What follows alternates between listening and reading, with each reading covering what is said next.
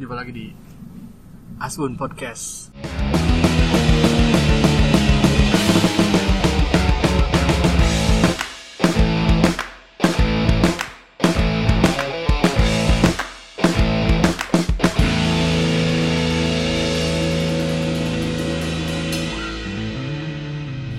Ngomongin jumlah episode sama selalu gagal selalu gagalnya maksudnya urunutan episodenya tuh nggak pernah bener. Eh, ketika sekarang bilang episode 3 ternyata episode 3 nya gagal karena audionya korup. Eh, episode 2 ternyata filenya hilang. Ada aja masalahnya. Nggak tahu nih tapi sebenarnya cukup senang juga sama podcast ini sendiri sih. Nah untuk ini konten ini ya buat nambah-nambah aja lagi episode ke kalau ini jadi diupload beneran ini episode ketiga nah ini eh, waktunya saya sekarang lagi balik ke OTW balik dari Pusdai wedding venue di Bandung.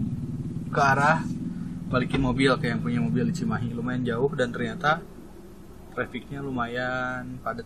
Nah, karena bareng sama yang mau balik ke Jakarta kayaknya. Yang mau diobrolin sih sebenarnya sekarang lebih ke apa ya, kenapa saya mau jadi sekarang saya mencoba jadi YouTube kreator gitu, lagi lagi ngedalemin. Masih di tahap awal banget. Kebetulan punya ide kemarin bikin satu vlognya. Bisa kalian tonton di wedding car vlog. Jadi sebenarnya awalnya kalau nggak salah kalau nggak kalau nggak salah nih ya eh, podcast episode pertama saya itu adalah hari kedua saya jadi wedding driver. 9 bulan kemudian adalah hari ini. Nah berarti sudah setelah sekitar 9 atau 10 bulan lah saya jadi wedding driver eh keidean tuh nambahin kreasi. Biar nambah eh keidean tuh bikin bikin kreasi buat nambahin value sih kerjaan tersebut. Siapa tahu bisa ya menghasilkan yang lebih gitu. Goalsnya sih itu. Nih, mikirin kayaknya sekarang lagi hype gitu bikin vlog gitu ya. Coba digali. Ide idenya awal cuman bikin eh, karena dapet insight dari si CPP ini. CPP itu calon pengantin pria. Jadi eh, job desknya itu wedding driver itu ngejemput eh, CPP di rumahnya atau di hotel. Dengan CPP itu ke venue. Nah dari venue saya nungguin sampai mereka resepsi bla bla bla beres. Saya anterin pengantin tersebut ke hotel atau ke rumah atau ke bandara langsung honeymoon. Jadi asalnya cuma hanya pengantin pria perginya. Sedangkan pas pulang saya bersama couple tersebut. Nah pas pergi itu selalu ada cerita bareng si pengantin pria calon pengantin masih calon statusnya mereka yang deg-degan mereka yang excited mereka yang campur aduk rasanya itu kayaknya bisa dikaji ya bisa digali lagi gitu eh, topik-topiknya. Dan ternyata bagus responnya mereka tuh ketika saya tanya tentang gimana kenalannya sama pasangannya gimana bisa jadian sama pasangannya gimana sampai menikah mereka antusias. Dibanding sebelum saya bikin vlog. Sebelum saya bikin vlog saya tanya-tanya hal seperti itu mereka kayak jawab tapi ya lu nanya basa-basi gue jawab juga basa-basi aja. Nah kayak gitu. Tapi setelah saya rekam vlog mas saya bikin vlog ya bikin buat eh, bla bla bla bikin vlog tentang wedding. Mau cerita nggak tentang kisah cintanya? Wah all out. Ternyata nggak tahu orang-orang sekarang itu lebih terbuka gitu eh, sama hal-hal yang beginian gitu emang lebih suka exposure suka diekspos suka ngeliatin ya suka terbuka lah sama sama peoples. Nah si dari insight itu saya coba bikin vlog. Tapi kayaknya kalau misalnya cuman behind love story walaupun love story itu tiap eh, couples itu beda-beda ya pasti ada yang serunya beda-beda keseruannya tiap tiap couples tapi kayaknya kalau cuman itu doang bakal kurang. Nah saya pikirin gimana lagi ya. Makanya saya coba bikin konsepnya game show. Nah si game show ini juga ternyata seru apresiasinya bagus sama pengantin sama penonton gitu. Cuman walaupun sampai detik ini sebenarnya viewnya belum ngangkat di YouTube. Entah karena belum konsisten jadwal upload atau emang kontennya belum bagus atau emang belum tersebar di segmentasi yang tepat. Nah sekarang setelah saya punya konten beberapa dan kemarin kebetulan alhamdulillah bisa kolaborasi bareng youtuber dia udah lama di skena YouTube uh, beauty vlogger sebenarnya dia. Ya sebut saja namanya kita sebut ya namanya adalah Minyo 33 ada di Instagram ada juga di YouTube bisa kalian lihat dia udah di YouTube Rewind zaman kapan ya? Udah lama lah. Setahu saya dia emang udah youtuber lama karena saya kenal adiknya personal itu di salah satu aplikasi chatting lah dulu ya. Kita suka curhat-curhatan. Nah adiknya ini yang pertama kali ngasih tahu saya Kang kenapa nggak jadi youtuber? Apa itu youtuber? Nah ternyata kakaknya youtuber gebetannya youtuber. Oh dari situlah saya baru tahu ada istilah youtuber ya kreator lah atau apa pun gitu. Cuman saya nggak masih nggak kebayang bahwa kita bisa berkreasi apa pun di YouTube. Jadi kebayangnya bikin video kayak apa ya? Nggak. Dulu tuh buat saya youtuber itu image-nya kayak bikin ya si Skinny Indonesia 24 gitu yang kayak channel-channel kayak gitu. Atau apalah nggak kepikiran kita bisa bikin apa aja. Gitu. Bahkan sekarang kalau bilang kreator eh, nggak uh, harus di YouTube aja ya konten kreator ini. Di platform kayak Instagram juga unik-unik tuh. Kayak waktu bercakap kayak NKCTHI kayak apalah komik-komik slide story. Konsep kre konten kreator ini konsep bikin karya ini dengan platform sosial media tuh sekarang menurut saya greget ya unik-unik bisa bisa bisa dimaksimalkan gitu gimana caranya. Nah sebenarnya yang saya bikin sih konvensional acaranya konsep konsepnya pun pop. Yang notabene sebenarnya kalau saya sendiri bukan penonton buat acara seperti itu. Mungkin acara-acara saya seperti apa ya? Kalau yang saya suka nonton di YouTube itu It Talk Drive-nya Shegario dan Adana Kobi. Terus paguyuban pamitnya meeting dari Kobuzer atau apalah Panji Pragiwaksono gitu nggak begitu suka yang cup challenge gitu. Sebenarnya bukan cuman kalau ada sesekali mungkin saya tonton. Apalagi yang uh, kerabat saya gitu yang peserta vlog seperti saya ini. Gitu. Oh ya ini ngalor ngidur ngomongnya emang karena nggak pakai ini nggak pakai skrip. Uh, ternyata enak nih paling enak uh, podcast sendirian itu ketika nyetir macet. Bingung mau ngapain mau ngedengerin podcast atau YouTube lagi nggak pakai paket yang unlimited jadi sayang kuota jadi mending bacot-bacot aja. Nanti edit-edit dikit diupload ya jadi konten deh.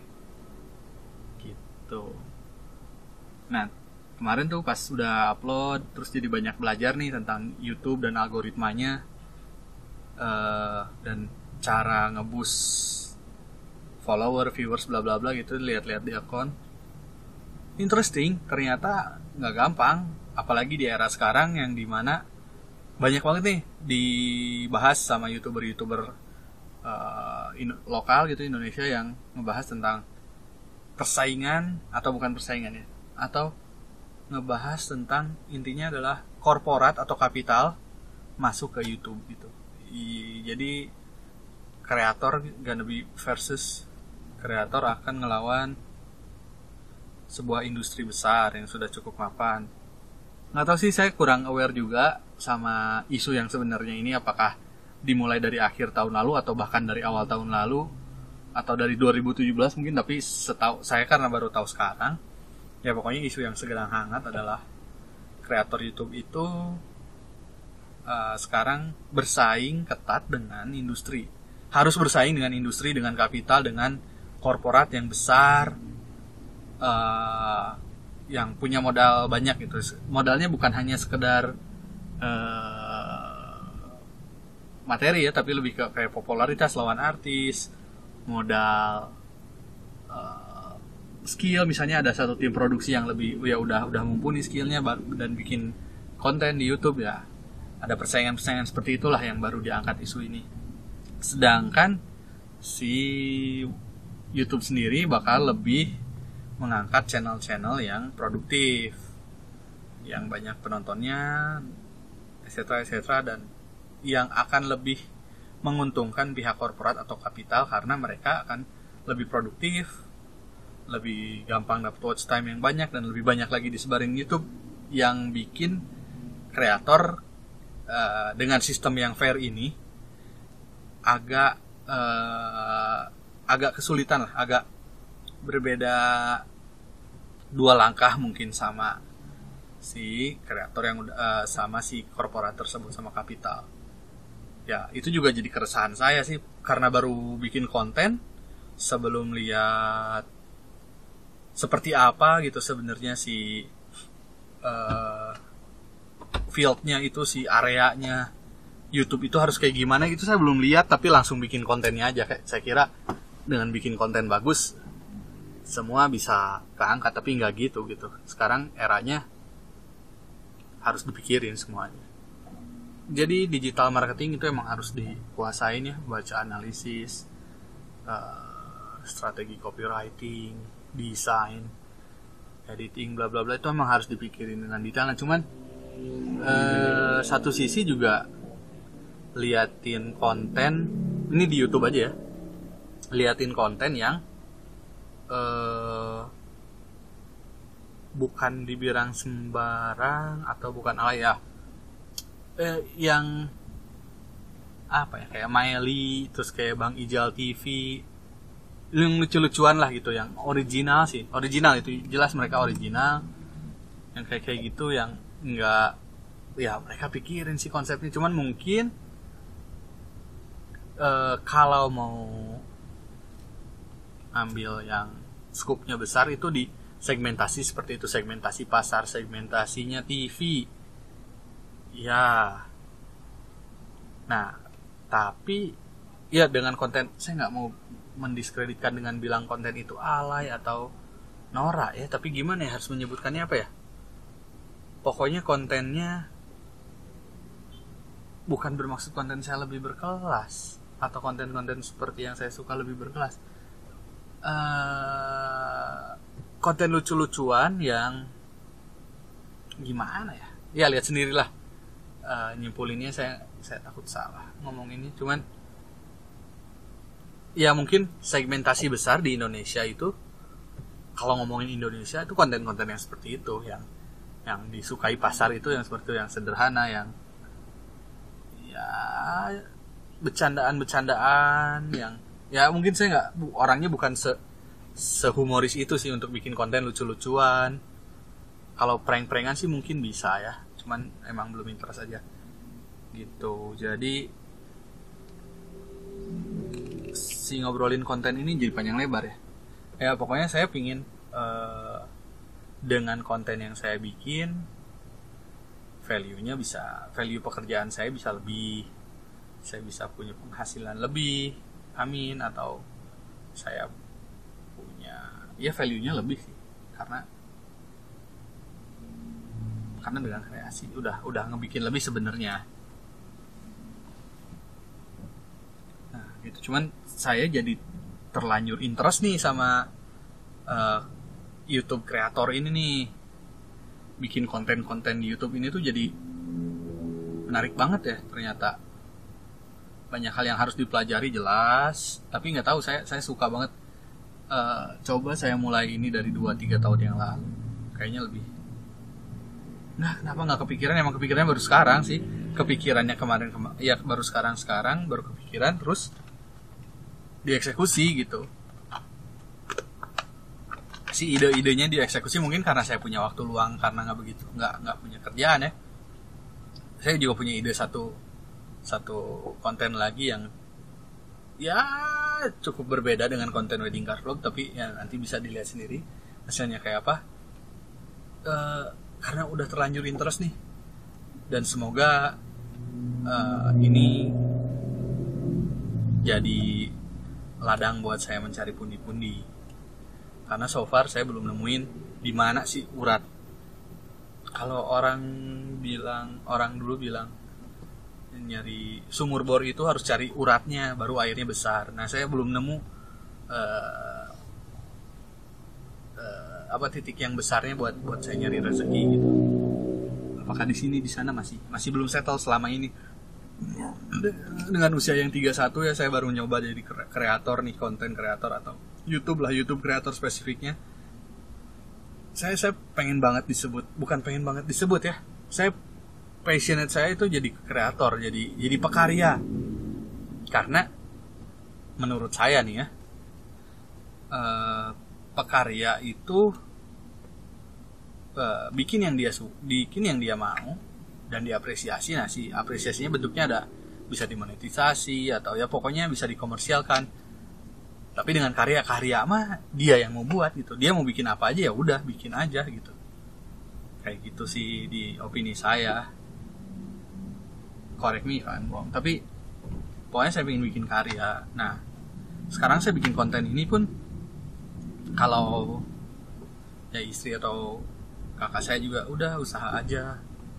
Ini pun part of usaha. Ini tuh saya bikin satu produk dijual yang nantinya itu akan dibeli sama investor sama sponsor.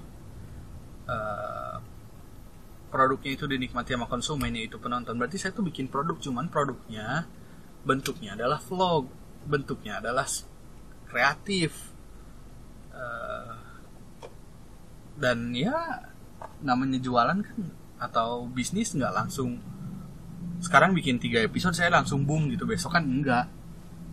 Uh, kalau lihat kreator-kreator lain juga nggak nggak sebulan dua bulan langsung jadi hebat gitu. Langsung punya penggemar langsung punya penonton langsung punya subscriber. Nah saya pun lagi ngebangun itu gitu karena karena baru mulai. Baru mulai dan kemarin sempet sempet delay untuk uh, continuity si episodenya. Semoga semenjak dari minggu kemarin minggu ini continue tiap minggu bisa upload konten di channel Wedding Car Vlog gitu sih. Sambil mau ngegarap konten vlog di episode eh konten satu konten lagi di channel pribadi saya di channel uh, YouTube pribadi. Jadi rencana punya dua konten gitu. Yang bukan daily vlog karena I'm not nobody itu ngapain bikin bikin daily vlog harian gitu kalau kata yang bening saya pernah lihat daily vlog itu bukan main content eh.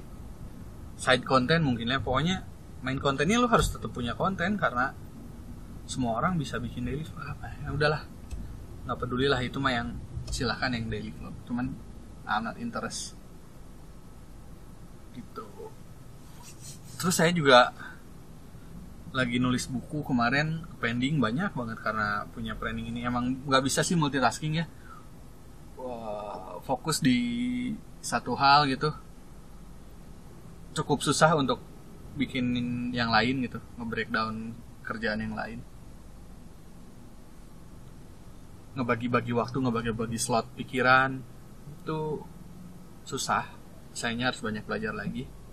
Harus banyak fokus konsentrasi lagi. Nggak kerasa udah 20 menit nih ngomong sampai haus.